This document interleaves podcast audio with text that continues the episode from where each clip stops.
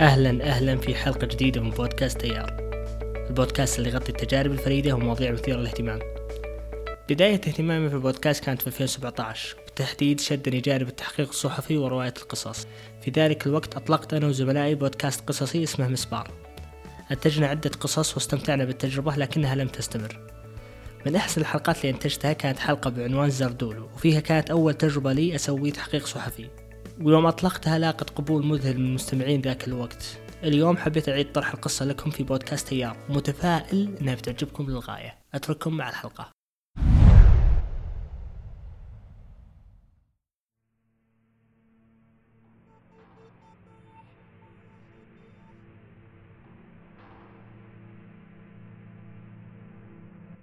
قطعة صغيرة من لغز كبير. لم نعد نرى الإبداع الفني في الأشياء من حولنا. ممكن لأننا أصبحنا نبحث عن الحقيقة المطلقة ولا نفتش عن شيء خيالي جامح يفوق حدود الصورة الواقعية اللي نجتهد في البرهنة إما على صدقها أو كذبها. لماذا لا نصدقها حتى لو كانت كاذبة؟ ألم يقول العرب أعذب الشعر أكذبه؟ لنقف على كلمة مثل السريالية واللي تعني أن ما تشاهده فوق الواقع. لنخترق هذا الشكل الظاهر بأبعادها الحقيقية ونتوغل داخل العقل الباطن بعيدا عن النظام والمنطق لنعلي من شأن الحلم ولنرتقي إلى ما فوق الواقع المرئي ألم يكن طيران الإنسان شيئا معجزا؟ ماذا لو كانت هناك لوحة معلقة على جدار متحف لشخص يطير في الفضاء؟ تخيلوا أن هذه اللوحة معروضة على المشاهدين في القرن الخامس عشر إيش بتكون ردة فعلهم تجاه هذا المنظر اللي يتحول إلى حقيقة في القرن العشرين لنقف قليلا لأسرد لكم أحداث غريبة ومتوالية.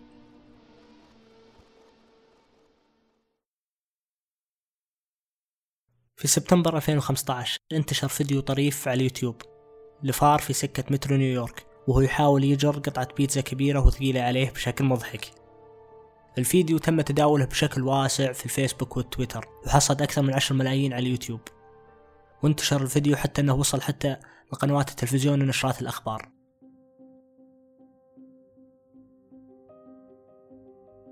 We have Pizza Rat. Now, if you're not familiar with Pizza Rat, you might want to check your Wi Fi settings because yesterday the internet blew up over this video of a rat carrying a whole slice of pizza down the stairs of a subway station. Americans from all walks of life were inspired at this rodent struggle to lift his own weight in pizza. And we've all been there Let's, let's do pizza Rat really quick. This is not my first bud lunch Less than today. 24 hours. This is the video that's gone viral. Today, everybody will be talking about Pizza Rat. It is trending over a million views. Everyone's still talking about Pizza Rat. Yeah, I Yeah. can't believe the, the two big stories this week are the Pope visiting the US and then Pizza Rat right about there.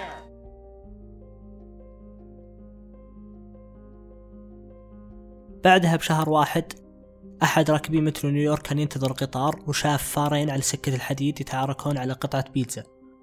وكل واحد من الفارين يحاول يأخذها لجهته وبسرعة وقبل ما يوصل القطار أخرج الراكب جواله وصورهم ونزل الفيديو على اليوتيوب. وزي الفيديو اللي قبله انتشر الفيديو انتشار واسع والسبب إن شكل الفارين كان مضحك وكانوا يتعاركون على البيتزا بشكل طريف. We've all seen this, the famous Pizza Rat video. It's been viewed nearly 9 million times, and last year it caused a sensation. Even Donald Trump got in on Pizza Rat mania. أثناء انتشار مقاطع الفيديو المضحكة والغريبة لفئران مترو نيويورك نزل فيديو ثالث جديد في نوفمبر 2015 وكان الفيديو أشد غرابة من الفيديوهات اللي قبل وفعلا يثير التعجب في الفيديو يظهر رجل في محطة المترو وهو نايم على الأرض بانتظار القطار وجواله على رجله اليسرى وبحركة هادئة مشى فار وصعد عليه وبدأ الفار يلعب بجوال اللي نايم وبطريقة ما استطاع الفار فتح الكاميرا والتقاط سيلفي. ولما الرجل سمع صوت لاقط الكاميرا قام منتبه من نومه وشاف الفار على رجله وارتاع وانحاش. بعد الحادثة بيومين تناقلت قنوات الأخبار الفيديو وصورة السيلفي اللي خذ الفار. وانتشر الفيديو والسيلفي انتشار أسرع وأقوى من الفيديوهات اللي قبل واختلفت آراء الناس بين مصدق ومكذب وصار حديث برامج الحوارية والشارع عن تصرفات فئران مترو نيويورك العجيبة Selfie rat. So here's what happened. An out of towner and his friend were waiting for the subway when they saw that person there, that man sleeping near the tracks in Crown Heights, Brooklyn. A rat, as استمرت مثل هذه الفيديوهات والصور بالظهور وتصدر عناوين الأخبار واللي تحتوي على تصرفات غريبة يفعلها الحيوانات حيث ظهرت صور في منتزه أوكالا لراكون يركب على ظهر تمساح ويقوده عبر النهر. وفيديو آخر في نهر نيويورك لشخص صاد سمكة لها ثلاث عيون. وغيرها الكثير من الفيديوهات اللي تبتلعها القنوات التلفزيونية ويتم عرضها كأخبار صادمة ويتناقلها الناس بينهم. أثارت هذه المقاطع الغريبة شك صحيفة جوثمست الإلكترونية وبدأت في التحقيق عن مصدر وصحة هذه الفيديوهات. وبعد بحث استطاعوا الوصول للشخص اللي نايم في فيديو السيلفي وكان يدعى إيريك. اكتشفوا أن إيريك ما كان إلا ممثل في مسارح نيويورك المحلية وبعد ما ضغطوا عليه اعترف لهم بالحقيقة كاملة.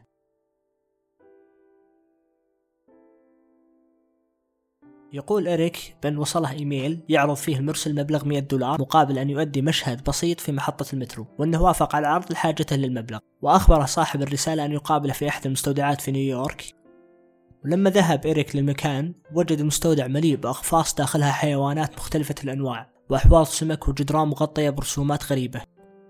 وقابلته هناك فتاة مقنعة تلبس لبس مطرز بزخاريف إفريقية غريبة. وعرضت عليه البنت السيناريو المشهد ولما سألها إريك عن الهدف من الفيديو قالت له هذه مجرد قطعة صغيرة من لغز كبير. وما أعطتها أي معلومات إضافية.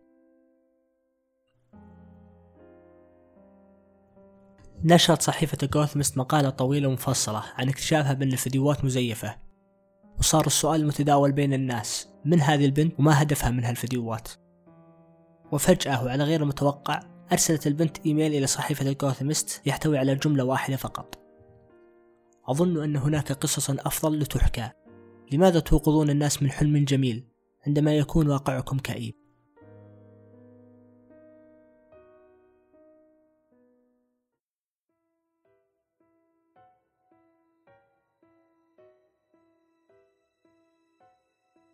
قصة هذه البنت لفتت نظر أحد أقوى برامج البودكاست الأمريكي ويدعى Reply All واللي يقدمه أليكس جولدمان وأصدروا حلقة وثائقية مدتها ساعة كاملة عن هذه البنت وعن المقاطع اللي تقدمها to like starting to wonder what's real. Yeah. Well, I think that a selfie rat is inferior to a pizza rat as like a video. It's a more complicated thing to stage. And so, you know, if, if this person is doing like a series of illusions designed to like terrify and betwixt New York City or whatever it was, like you'd start with pizza rat, you'd go to selfie rat, then maybe it's like rat riding a motorcycle, then maybe it's like rat president. Like it, like they there's a there is a progression of like complexity that makes sense. Because the other thing now that I think about it is like, why would a وحاول مقدم برنامج أليكس أن يتواصل معها ليقدمها في برنامج حواري للناس لكنها ما تجاوبت معه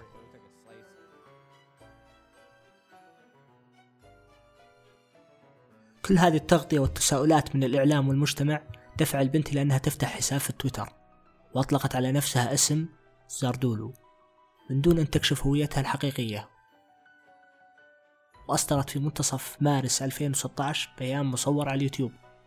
تلبس فيه عباية سوداء وعمامة وقناع رجل مسن وينسدل من القناع شعرها المصبوغ بالزهري. In my art, I use highly trained rats to symbolize the shadow archetype and the subway as a symbol of our subconscious mind. في البيان تكلمت زاردولو أنه مع روتين الحياة اليومي عقل الناس الباطني صار يحجب الحياة وأننا كبشر لم نعد نلاحظ العالم المحيط بنا.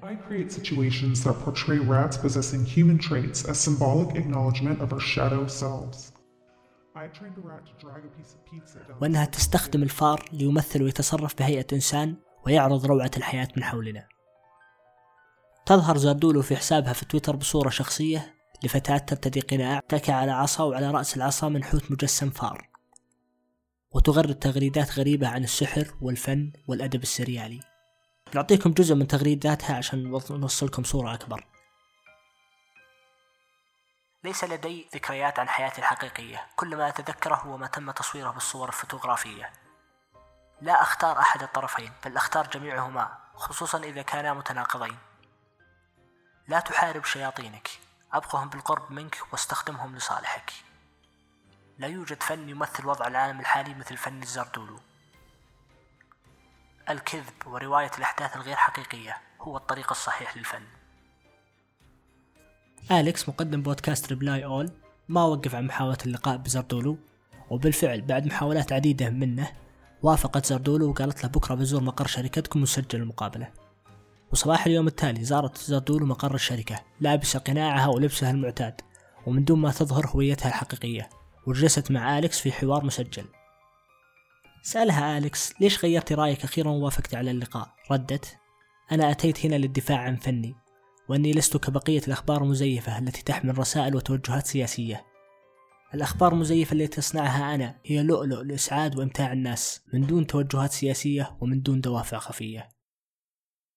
وفي المقابلة أيضا تكلمت على أن أعمالها لا تستهدف مدينة نيويورك فقط بل تستهدف العالم أجمع وفي آخر مقابلة سألها أليكس ما الأعمال المستقبلية التي تجهزينها للناس؟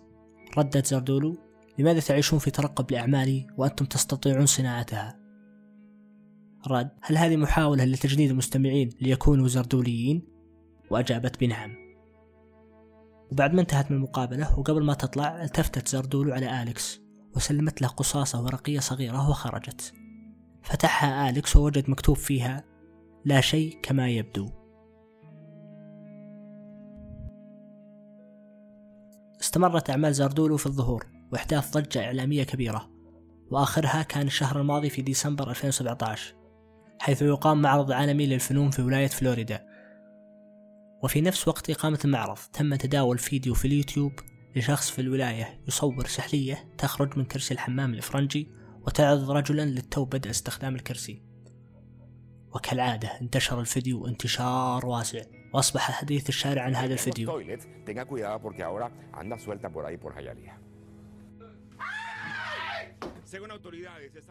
وحدثت بعدها مطالبات بأن يتم التحقيق في مشكلة انتشار السحالي في المجاري. بعدها بفترة غردت زاردولو أنها هي التي كانت خلف الفيديو وأنها تهديه للجنة المنظمة لمعرض الفنون كعمل مشارك ونزلت على حسابها مقطع فيديو للسحلية كإثبات. وبدورنا في بودكاست مسبار راسلنا زاردولو قلنا لها أننا بودكاست من السعودية ومسوين حلقة خاصة عنك وتفاجأنا بردها وتفاعلها. وهذا أبرز ما جاء في حوارنا النصي معها. تحدثت عن أن زاردولو حركة عالمية ولكن حتى الآن لم نرى أعمالك إلا في الولايات الأمريكية. هل نتوقع ظهور أعمال عالمية لك قريبا؟ ردت زاردولو الأعمال اللي نفذتها ليس بالضرورة طلعها باسمي.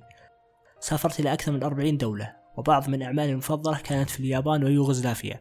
وبصراحة لم أزر السعودية. زرت دول قريبة لها مثل تركيا ومصر ولكن لم أنفذ فيها أي أعمال. سألناها أعمالك لا تضر أحد. ولا تحمل أفكار سلبية. لماذا الاختباء خلف قناع؟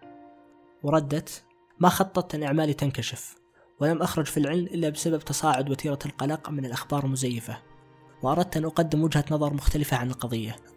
لم أكن يوما أبحث عن الشهرة أو المكاسب المادية ولذلك أفضل البقاء كمجهولة.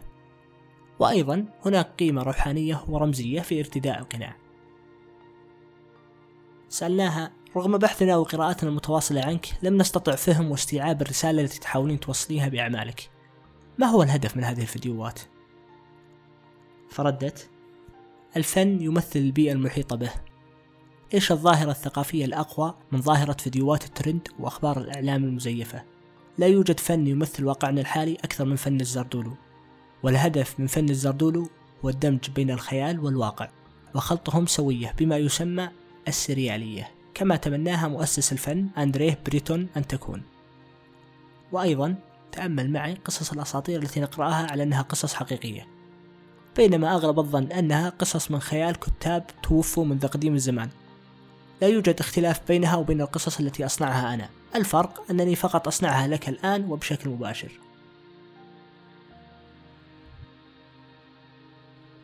وفي ختام الحلقة نختم لكم باقتباس لأحد تغريدات زردولو. ليس كافي أن تتمنى أن العالم سحري بعض الأحيان يجب أن تلعب دور الساحر.